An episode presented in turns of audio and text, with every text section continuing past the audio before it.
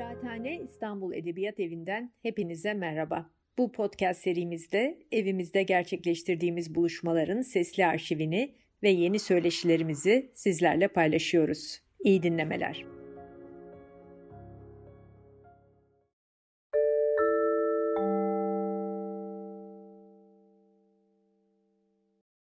Uh, welcome to Kıraathane. Um, it's a great pleasure to welcome to Istanbul Philippe Sands, who's joining us from New York. Um, Sands is a distinguished international human rights lawyer, professor of laws, and director of the Center on International Courts and Tribunals at University College London. He's also a novelist and president of English Pen. He represents governments and NGOs at The Hague and the European Courts of Justice and Human Rights, and he's worked on cases involving the Yugoslav wars, the Rwandan genocide, Guantanamo Bay, and Russia's occupation of southern Ossetia. He's long been a campaigner on legal issues and is the author of 17 books on international law, including investigating the legal justifications of the Iraq War, the Bush administration's legal justification of torture, and the legacy of the Nuremberg trials. Uh, and today, I believe he's very occupied with advocating for a legal means to hold Vladimir Putin to account for crimes of aggression. Uh, his latest two books, East West Street on the Origins of Genocide and Crimes Against Humanity, published in 2016, and The Rat Line Love, Lies, and Justice on the Trail of a Nazi Fugitive, published in 2020, take a much more multi-stranded approach to the law and how it comes to be shaped and practiced by various individuals. In these works, he traces how the lives and experiences of a few men directly shaped our current system of international human rights law. Um, so our conversation will start with a discussion of Philippe's latest books, and through doing so, it will provide some historical context, not only about Ukraine, uh, but also about the birth of our current system of international human rights law and what legal possibilities it offers us today in pursuit of challenging crimes and injustice. Uh, so thank you again very much for giving us your time. I know it's a very busy period for you. It's very lovely to be with you. Um, Istanbul and Turkey are very special places for me, and uh, I did not hesitate to accept to be with you. Very lovely to be with you. Uh, we're very lucky to have you with us. Um, so, as I just outlined, uh, you are a man wearing many different professional hats, um, a leading international human rights lawyer, an academic, a novelist, a cultural anthropologist, sometimes a theatre performer, as we witnessed um, at the memorable performance that you gave a few years ago here at Kıraathane.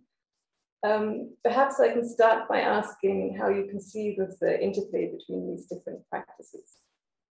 Thank you. I mean, it's a complex question. I, I mean, each of us have a multitude of identities, and there are really complex issues about why we do what we do. My training is essentially as a lawyer, and that's the world that I occupied very happily for about two decades.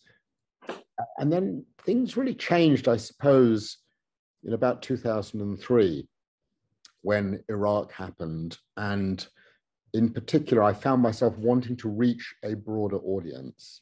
And that caused me to abandon writing purely for a legal audience to try to reach a broader audience. And that decision itself to try to reach a broader audience I think, had come through another act, which is the most personal of acts, which is the act of marriage. Um, I uh, fell in love with someone who came from a very writerly family, whose father was a publisher in the United States. I'm speaking to you from uh, the apartment with a long history of publishing, including all the books that you can see behind me, going back to the earliest part of the 20th century. And I think those factors came together to cause me to want to use writing to reach a broader audience. Um, and in reaching a broader audience, you've got to present your ideas and your arguments and your suggestions in a way that is accessible to people who don't have uh, legal training. And I think that was a bit of a challenge to begin with. But I think the heart of the answer to your question is that in the act of wanting to reach a broader audience, I've had to think about the basics of my world of law and justice and rights in a different way.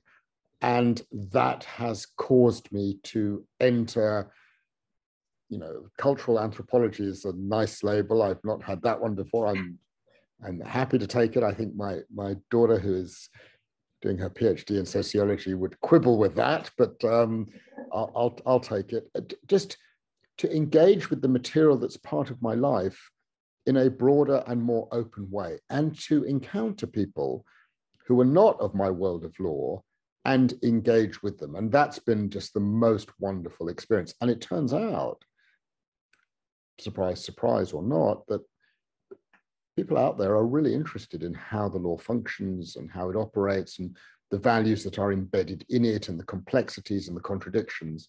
And that's exciting and challenging. But I would say Iraq, curiously, catalyzed a new direction. Mm-hmm. As I'm sure it's the case for many people as well. But I mean, your last, uh, your latest two books um, are extremely personal to you. I mean, they touch on your own uh, family stories. Um, and your family stories are, connected to, uh, to Ukraine, or uh, in particular to the city of Lviv, um, which, which was so instrumental in the history of the legal concepts of genocide and crimes against humanity. Um, and since Ukraine is so unfortunately covering our news screens today in very catastrophic circumstances, uh, perhaps you give, give some insight about your relationship with the city, its society, uh, its historical as well as contemporary importance. Oh, well, thank you for opening that door. Uh, Lviv, I don't know whether you've ever been. It is a remarkable place. And it's a place I suspect most people had never heard of until about a month ago, um, when all of a sudden it was once again thrust to center stage, as it had been in the earlier parts of the 20th century. I didn't know where Lviv was until 2010, um, when I was invited to go and give a lecture.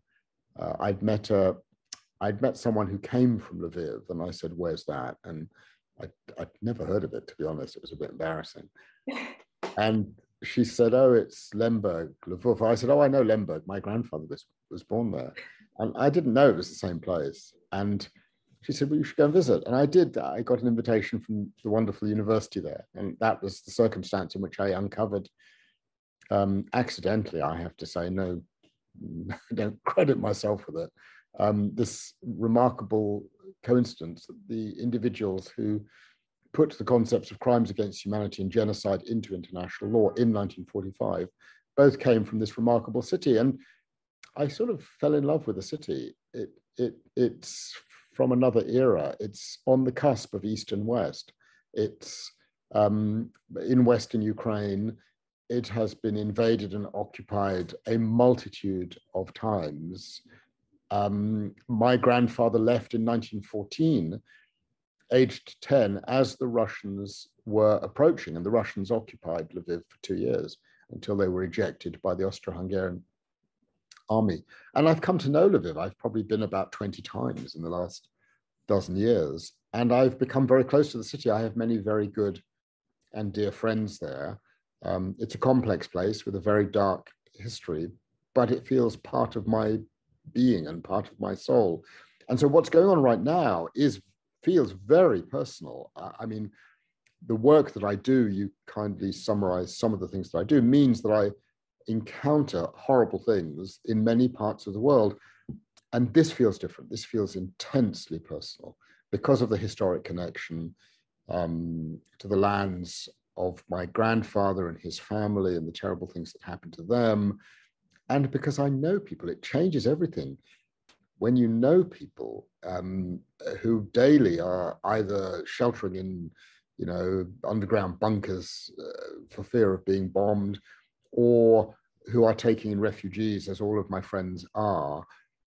And I had been recently, I'd been in October there, and I'd been in Kiev and been at the Museum of the Second World War and given a talk there on the anniversary of Babi Yar.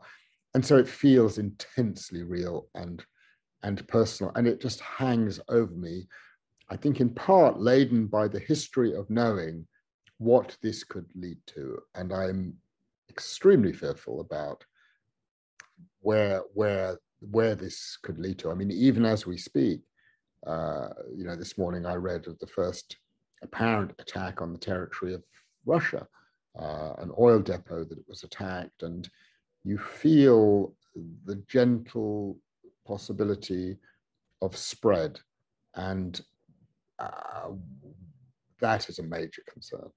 Mm-hmm. Mm-hmm. Um, I hope all of your acquaintances uh, are okay.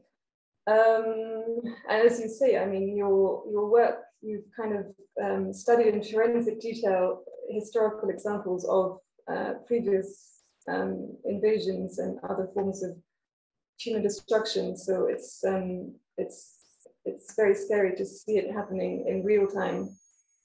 Um, maybe not quite repeating itself, but but happening in a in a new, different form.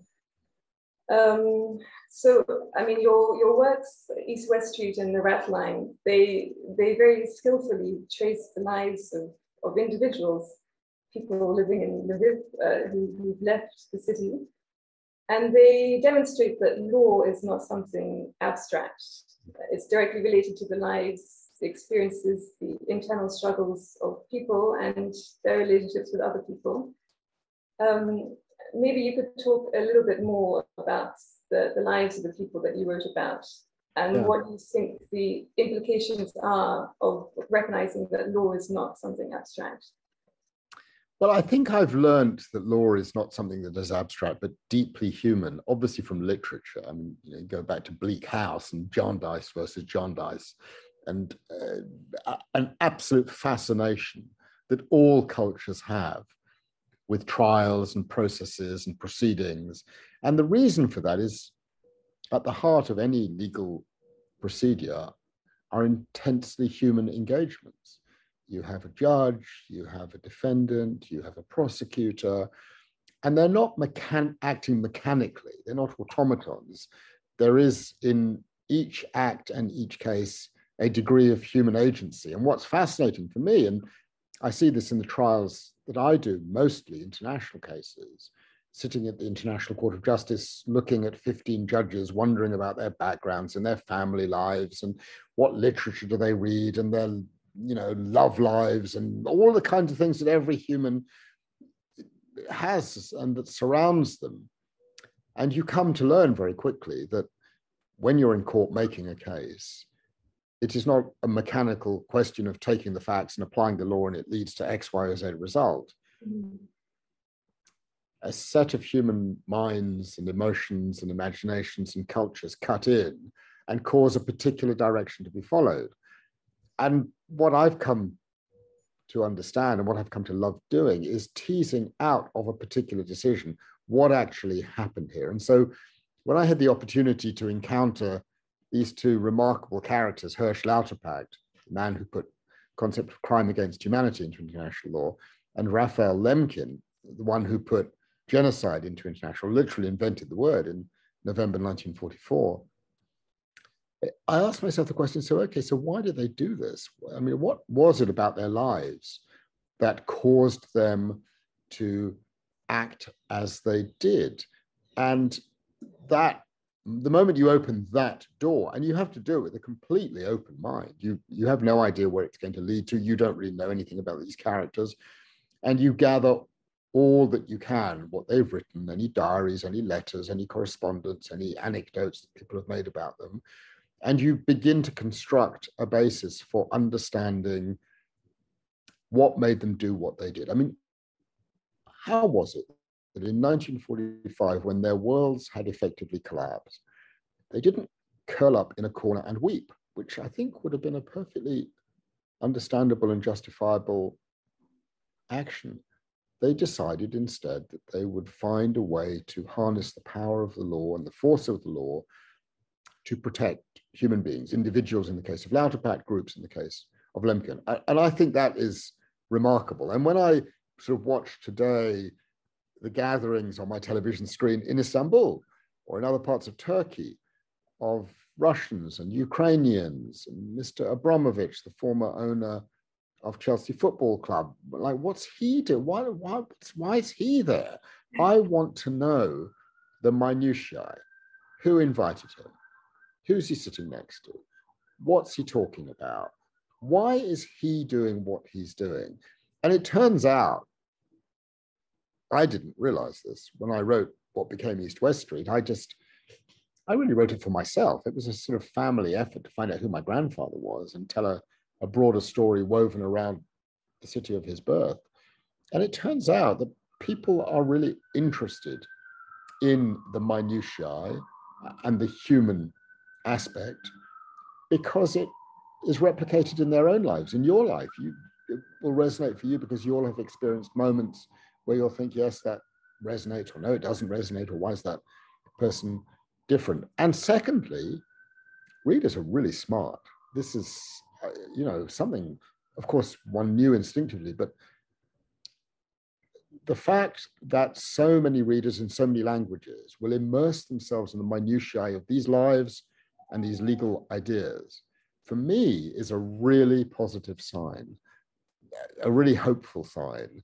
Mm-hmm. And the more it's gone on, the more it's I've been encouraged to do it. You touched on something earlier, which is writing in a personal voice. You know, as mm. lawyers and as academics, I teach at the university, you that is trained out of you. You're taught in your scholarship, don't write about yourself. You're taught when you appear in court, don't talk about yourself. The judges have no interest in you, the individual. They just want the legal arguments, the factual evidence. And actually, it turns out that it's not quite like that, that actually people are interested. So it was a, a, a real leap for me to start writing about myself because I'd had 30 years of extinguishing the self from any word I put on paper. Of course, you never actually really do that. It's there below the surface in the style of your writing and the way you construct ideas and the way you weave the ideas together.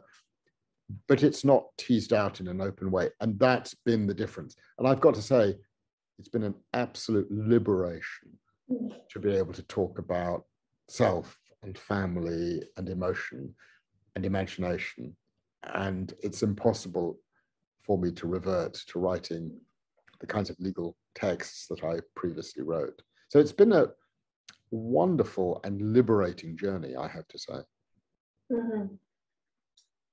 Um, yeah, I, I was going to ask you about um, the, the, question of how to write, uh, how to write about justice, um, which you've, I mean, you've kind of uh, answered in terms of but I mean, your books are so uh, exhaustive uh, with so many, not just the amount of information that you so forensically have researched, but the um, entanglements of, of uh, different people's lives, the, the coincidences, um, and the kind of psycho, psychological analysis that you do of people as well.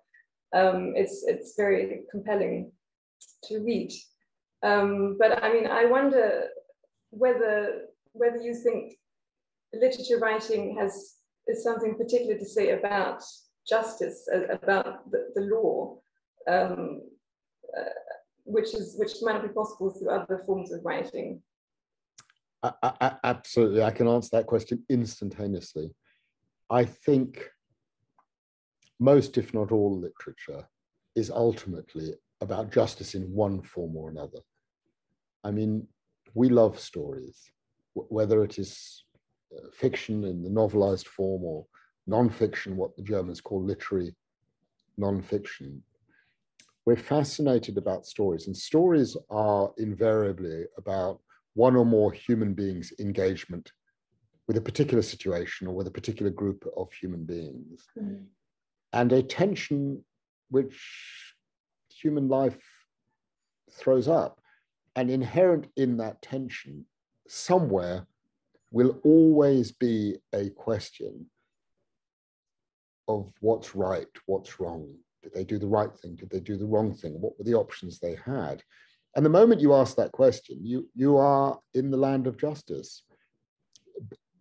not in a legal, formalized trial kind of sense, but because at the heart, I think, of all writing is a question that arises what is the right thing to do? Did the person do the right thing or the wrong thing? Did they behave correctly or incorrectly? And that is fascinating um, for us. I mean, I'm, you know, everything that I read, I now realize touches in one form or another about justice in the sense writ large. Um, uh, you know, my dear friend Hisham Matar's two novels and now his non-fiction, The Return. It's about all about the act of disappearance of one person, of his father.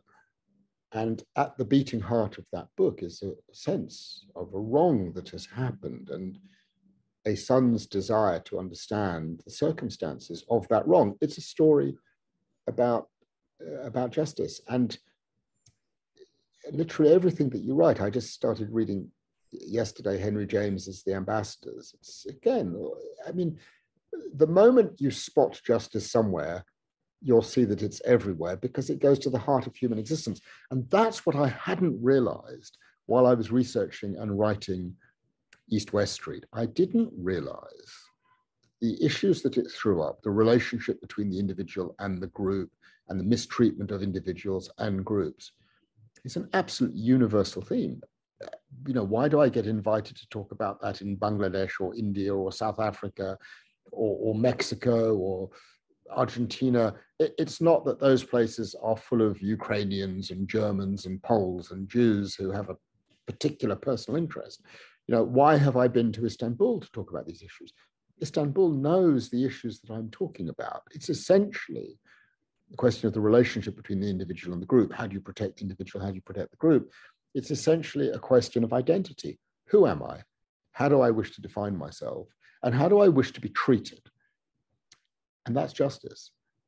And I think that I've come to understand that the law that I'm involved in is a, a vehicle, a way of teasing out a broader set of issues that touch universal themes that in theory and potentially can affect everyone. I mean, the fact that you and I are having this conversation tells me that the subjects that I write about, the subjects that you read about, touch you. They're connected. They're they resonate for you in some way, or we wouldn't be having this conversation. But I haven't been writing necessarily about you or your nationality or ethnicity or sexual orientation or color or but it touches you. And that i think is fascinating. And i think the literature that really works and that has a profound effect is the literature that touches the most universal of themes. And and it is universal. It doesn't matter who's written it because it is a way in to understand who we are and why we do what we do and that's the essence of justice for me mm-hmm. uh, well that um, that brings us very nicely to my next question um, in an interview from last year in response to a question of, uh, of what you think justice is and whether you conceive of justice as being a form of punishment, uh, you replied, uh, for me, the justice ideal is not about punishment, it's about telling stories. Um, so this is uh, fascinating, not, not just regarding the very complicated question of, of justice, but also the question of how we tell stories, particularly who is the one telling the story and whose story is being told. Mm. Um, how do you see the role of, of law and storytelling uh, in defining historical trauma and understanding? Well, this is a, a, question and an issue that is very much in my mind right now because I've just finished a, a new book which will come out in August in English and in various other languages, which tells the story of a case I've been involved in for 12 years, which is a place called the Chagos Archipelago. uh, in the in the Indian Ocean, which was part of the colony of Mauritius until it was separated in 1965, and um, 58 islands. The British created a new colony, which they call the British Indian Ocean Territory, and they removed the entire population of the 58 islands and banished them to Mauritius, Seychelles, and other parts of the world. And in the cases that we litigated, one person emerged um, who became the star witness, a woman called Liseby Elise, a black woman, descendant of enslaved people, plantation workers, on an island called Ile du Coin, part of the atoll of Peros Banhos. And the book that I've written tells the legal story, but very largely through the lens of a single individual, in part because I think nothing better illustrates the power of a story than a single human being's story. And I basically tell a double story. The story of decolonization in international law from 1945 to 2020, which is a sort of arcane and possibly a bit of a dry subject, but in parallel with the story of Liseby Elise, who happened to be born in 1953 and was on the receiving end of um, British generosity of spirit or lack of. And it's the interplay between the personal and the big political, I think, that helps me write stories. But I know that the beating heart of this book, again, as in East West Street and the Rat Line with the Wächters, Otto and Charlotte, the couple who are at the heart of it. And she, I think, Charlotte, is the beating heart of that book. The beating heart of The Last Colony, the new book, is Liseby Elise, Madame Elise, because people are able to understand, appreciate, enter the world of justice and injustice when it's moderated through the life of a single, remarkable, brilliant human being. But this raises a lot of complexities, which you'll appreciate. And right now, in the moment of Black Lives Matters, it raises a very fundamental question. You know, a privileged white bloke from London telling the story of a black woman from a distant British colony, extraordinary human being who cannot read and cannot write and wants her story told. That is really complex. What is my responsibility as a storyteller in how I tell her story? I'm a bit trepidatious about it, to be honest, because I know there will be folks out there who will say, this is complex. Um, when I say that to Liseby Elise, she says, but how am I to tell my story? I can't put pen to paper. I have to articulate it through some person, and I know you and I trust you, and you'll tell my story fairly. She wants her story told. I want to tell her story, but there is an issue as to whether I'm the right person or the best person to tell her story. And I've, I've spent a lot of time speaking to people, is it right that I tell this story? And and ultimately, this is, I think goes to the heart of the question that you're posing. Um, sorry, that is the arcane heating system in the apartment that I'm staying in in New York. Have no worries, it will go off in a second. Um, that the way to tell this story of the injustice that has been perpetrated on Liseby Elise and 2,000 other Chagossians is through her voice. Mm-hmm. And through her voice, you can understand the process of the legal system, which I describe in considerable detail. Liz is a sitting in court looking at the judges. People understand that. Me sitting in court looking at the judges is much less interesting in mm-hmm. teasing out the complexity of the issues. But the other aspect of this is that I realize having understood that that is my role in life, which is to tell stories, is I've become something of a storyteller in court, which may be not ideal, and may be that I am sowing the seeds of my own demise as a practicing lawyer by adopting the language and approach of a writer. I think it's difficult doing both. Um, and, and there is a, a, nice tradition of people who are lawyers writing. Um, uh, I, am thinking of Bernhard Schlink, who wrote The Reader, and Ferdinand von Schirach, um, who has written extraordinary uh, books. John Mortimer, the English barrister, wonderful memoir, Travels Around My Father, a barrister who has become a writer. Um, and I think that the tension between the lawyer and the writer is an interesting one. Uh, and there is much more to be said about that. But mm-hmm. essentially, as a lawyer appearing in court, you are a teller of stories, and your, your readers are the judges, and you are trying to persuade them uh, to adopt a particular interpretation and to take a particular direction. Um, it's, a lot to be to be said. I'm, I'm very much looking forward to that. Um, uh, to, is it a, a finished book? It's a finished book. Yep, it comes out. It comes out in in August, and for the first time, it is illustrated uh, by Martin Rowson from The Guardian, whose work you may know. He's the cartoonist at The Guardian. He's prepared six illustrations. On the they're his illustrations. I gave him the text, and he, for each chapter, um, uh, drew a wonderful image of what each of the six chapters contained, but they're his interpretations, and I find that very interesting. What he mm. focused on, what he didn't focus on, um, and I'm curious to see how that pans out.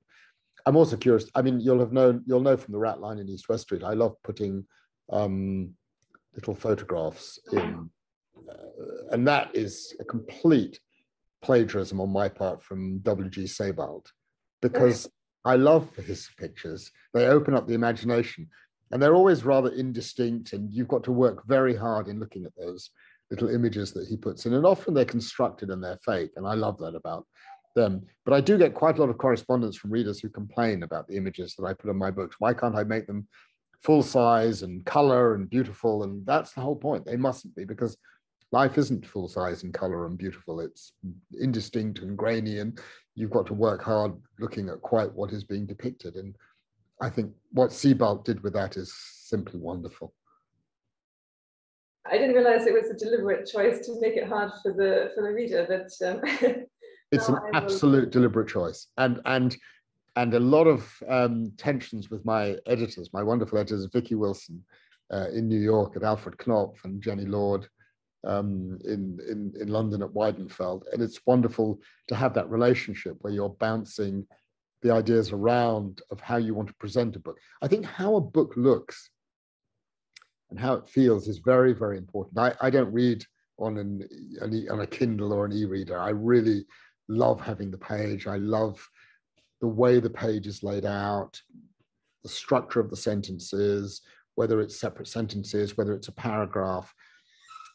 I think all of this informs the reaction of the reader. And so, so I put a lot of time into that. I've got the page proofs now for the last colony, and we're going back and forth on the size of the images and where a new page begins and where should the illustrations go and should should there even be a, a line under the photograph or or or the illustration explaining what it is, or do you just leave it to the reader to try to work it out? It comes back to a point that I made earlier. I think readers are actually really smart and they love mostly, not all of them, trying to work out what's going on and why that image is there. Mm-hmm. It was something I enjoyed so much about the East-West Street as well. The, the non-linear, well, in part you moved between different time periods and you had very short entries. It was almost like a diary entry that you um, had fragments of information that, that accumulated um, that kind of uh, teased teased you uh, as to what was coming next. Um, but I, am interested in, in the difference between writing uh, East West Street and the Rat Line, which were uh, in most parts archival, not purely archival because you were talking with various descendants and, and um, uh, living relatives today. But it sounds like this, uh, this latest work is moving more into almost ethnographic research. I mean, it's archival in part, but it's also uh, attending the current court cases. I think time is a theme that runs through the things that I've written. I, I'm sort of fascinated with time and the legacy of time, how an event that took place long ago has a continuing legacy, as we know in life, as we know in our personal relations and connections and the things that happen to us. Something that happened many years ago leaves a mark and comes back and haunts us and affects us. So I'm fascinated about that. And the new book has that in spades because it's it, it, goes back to the 1940s and the 1950s and it moves across time. Actually, this one in a much more linear uh, direction. East West Street was extremely complex to write, and I was greatly assisted by Vicky Wilson in, in New York, who helped me with the structure. How you present time in a written text, I think, is a is a really interesting question. The easiest way is linear. You start chronologically and you run all the way through. But I'm very interested in the in the goings back and forth. I had worried in writing East West Street and the Rat Line. Both those books are said in the past and the present. Whether the reader could cope with that, and it turns out the reader can cope with that, um, because life is like that. We live in double time.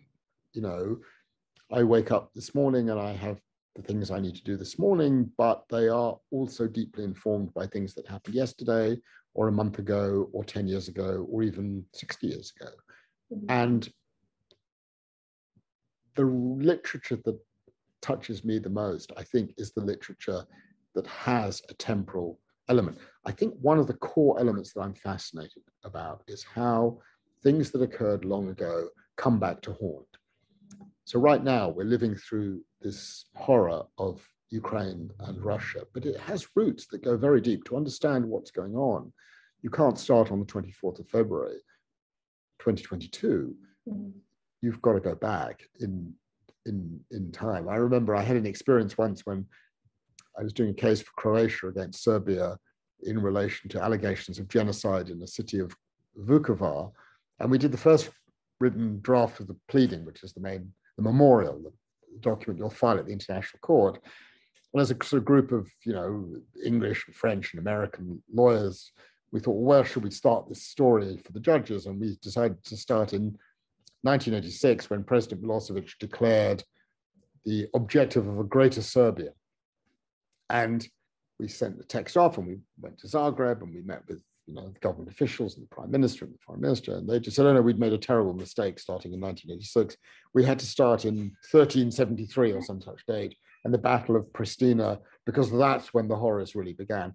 And you understand that you're sitting in Istanbul, a city, you know, that knows better than any city about the passage of time and how events from long ago continue to inform states of being and tensions and so on and so forth. So I think this is a, a, a, really fascinating aspect, but I'm not conscious of it when I'm writing it. It's often only when I go to a seminar or have a conversation like this that the element of time, how issues of long ago come back to haunt, and how history doesn't repeat itself exactly, but it draws upon the past and takes a direction which is often horribly familiar. You know, just a couple of days ago, a friend of mine, a, a wonderful uh, academic in the University of Wisconsin, Francine Hirsch, who has written a wonderful book about the Soviets at Nuremberg, sent a little note about um, an, a passage from the Nuremberg trial in the famous Courtroom 600, which is a Soviet prosecutor describing the horrors perpetrated by German forces on the town of Mariupol, which is, of course, in the news today. So, how ironic is that? You've got the, you know, the Soviets castigating the Germans for destroying every single one of the 68 schools in Mariupol in 1944 as they retreated. It's not history repeating itself, but circles of a kind. Mm-hmm. Um, and I think we need to be aware of that and we need to know about that. Uh, yes, and I mean, uh, talking about the Nuremberg trials, they they are not ancient history by any means at all, but they they signaled uh, a break of some kind. They signaled the birth of the system of international criminal and human rights law that we are that we're still uh, living with, and the first time that an individual could be held criminally responsible and punished for crimes against humanity. Um, but while the trial set a precedent for individuals to be prosecuted, as you alluded to earlier, uh, there was still a, a, central tension that has not been resolved, or maybe it doesn't need to be resolved, about who can be protected by international law. This tension between the protection of the individual or the protection as a member of a group. Um, and this is a tension that, that um, takes uh, central, center stage in East West Street.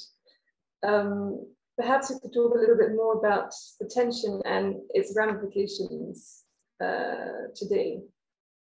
Oh, I mean, it's absolutely the heart. You know, one of the most touching images that I've had from friends in Lviv was one that was taken a few days ago, and it depicted the house of Hersch Lauterpacht when he was a student at number six Teatralna Street, right in the heart of Lviv and a group of people standing outside the house looking at the plaque on the wall. And the plaque says Hersch Lauterpacht, founder of Crimes Against Humanity in International Law. And I tweeted that picture, and it's really interesting. It's, you know, in these times you send out a few tweets, and it's the one that has had the most reactions. It's some, it obviously just touches people, the connection between what's happening today and these concepts invented in 1945. So Lauterpacht's idea was that every human being is entitled to protections, minimum protections under international law, because they are a human being, a sentient, living human being. And his thesis was that wherever that human being is located, whoever they are, whatever they may have done, they have minimum rights under international law. And that was a revolutionary idea in 1945. Lemkin had a different view. Lemkin's view was that the mistreatment of human beings takes place not because of anything they've done as an individual, but because of their membership in a group, as you suggested, the, the color of their skin, their race, their ethnicity, their nationality, their sexual orientation, whatever it may be. And that if you want to protect human beings from these horrors, you have to protect the group of which they happen to be a member, because by protecting the group, you protect the individual. No, says Lauterpacht. If you go down that route and you reify the group, you will reinforce the very conditions of intergroup hatred, cross-group hatred. And, and I do worry about that. I, I see the force of both ideas. And East-West Street is a book of tensions, and the tension is my relationship to those two ideas. And probably as you read it, and many others read it, and as I wrote it, you and I will ask ourselves the same question. We're, we're individuals, but we're also a member of many groups. And it raises the fundamental question how do I want to be protected? Do I want to be protected because I'm a human being, or do I want to be protected because I'm a man, I'm white, I'm Jewish, or whatever it might be? You know, you add the label of the group that you happen to be a member of. And, and in asking those questions, you're essentially asking, who am I? and how do I want to be recognized? And intellectually, I'm with Lauterpacht, 100%. But, and the book East West Street ends with this recognition, standing at a mass grave at which Lauterpacht's family members are still buried in an unknown grave today, and my grandfather's family are still buried today, it was impossible to escape the force of Lemkin's ideas. I felt a kinship with those people because they happened to be a member of a group of which I'm a member, and it was impossible to extinguish that sense of outrage and hurt. And that just leaves me in this constant tension. And I think most people recognize that tension. I suspect you recognize that tension. You have your group baggage, as we all do, and you ask yourself the question how do I wish to be looked after? How do I wish to be treated? How do I wish to be recognized? And, and these are really complex questions that go back time immemorial. I mean, I make a single feature of East West Street, a piece of music by Johann Sebastian Bach, the Matthew Passion, because it raises exactly this question the tension between the Catholic faith and the Protestant faith, which has a different conception of the individual's relation to their God. One, you know, articulated through group membership, the other, the direct relationship of the individual with their God. And other religions play the same tension. So this is at the core of who we are as human beings. I certainly won't resolve that issue, but I hadn't understood that the law allows people to see that issue in a way that's accessible and understandable. And I think that's the merit of the ideas of Lauterpacht and Lemkin. It makes it really plain and really straightforward. And it's very dominant right now in what we're seeing in our papers and on our computer screens and on our televisions on the relationship between Russia and Ukraine. Just go back to President Putin's statement. It's really worth watching, listening to, reading what President Putin said on the 24th of February, or the evening before the invasion started. He invoked issues of genocide and group identity and the rights of individuals in eastern Ukraine, and it's all there packed into his speech. And curiously, Putin evoked the language of law to justify what he was doing. And that I was fascinated by. Um, in what you, uh, sorry, in, in your view, uh, what do you think the legacy of the Nuremberg trials is today?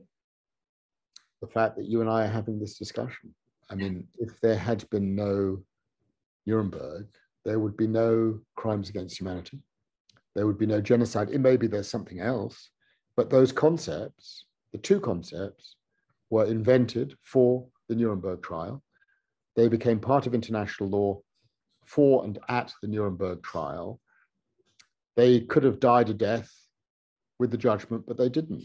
They became integrated into our very being. And you can open any newspaper today and you will find those words integrated into the pages of the newspaper and on our television screens and on our computer screens. And Mr. Putin evoked the language of both. So Nuremberg unleashed a different way of thinking, and that different way of thinking has remained. So I think it's a huge, huge legacy. Also, it was a revolutionary moment in another way because it basically articulated the idea for the first time in human existence that the power of the state is not absolute.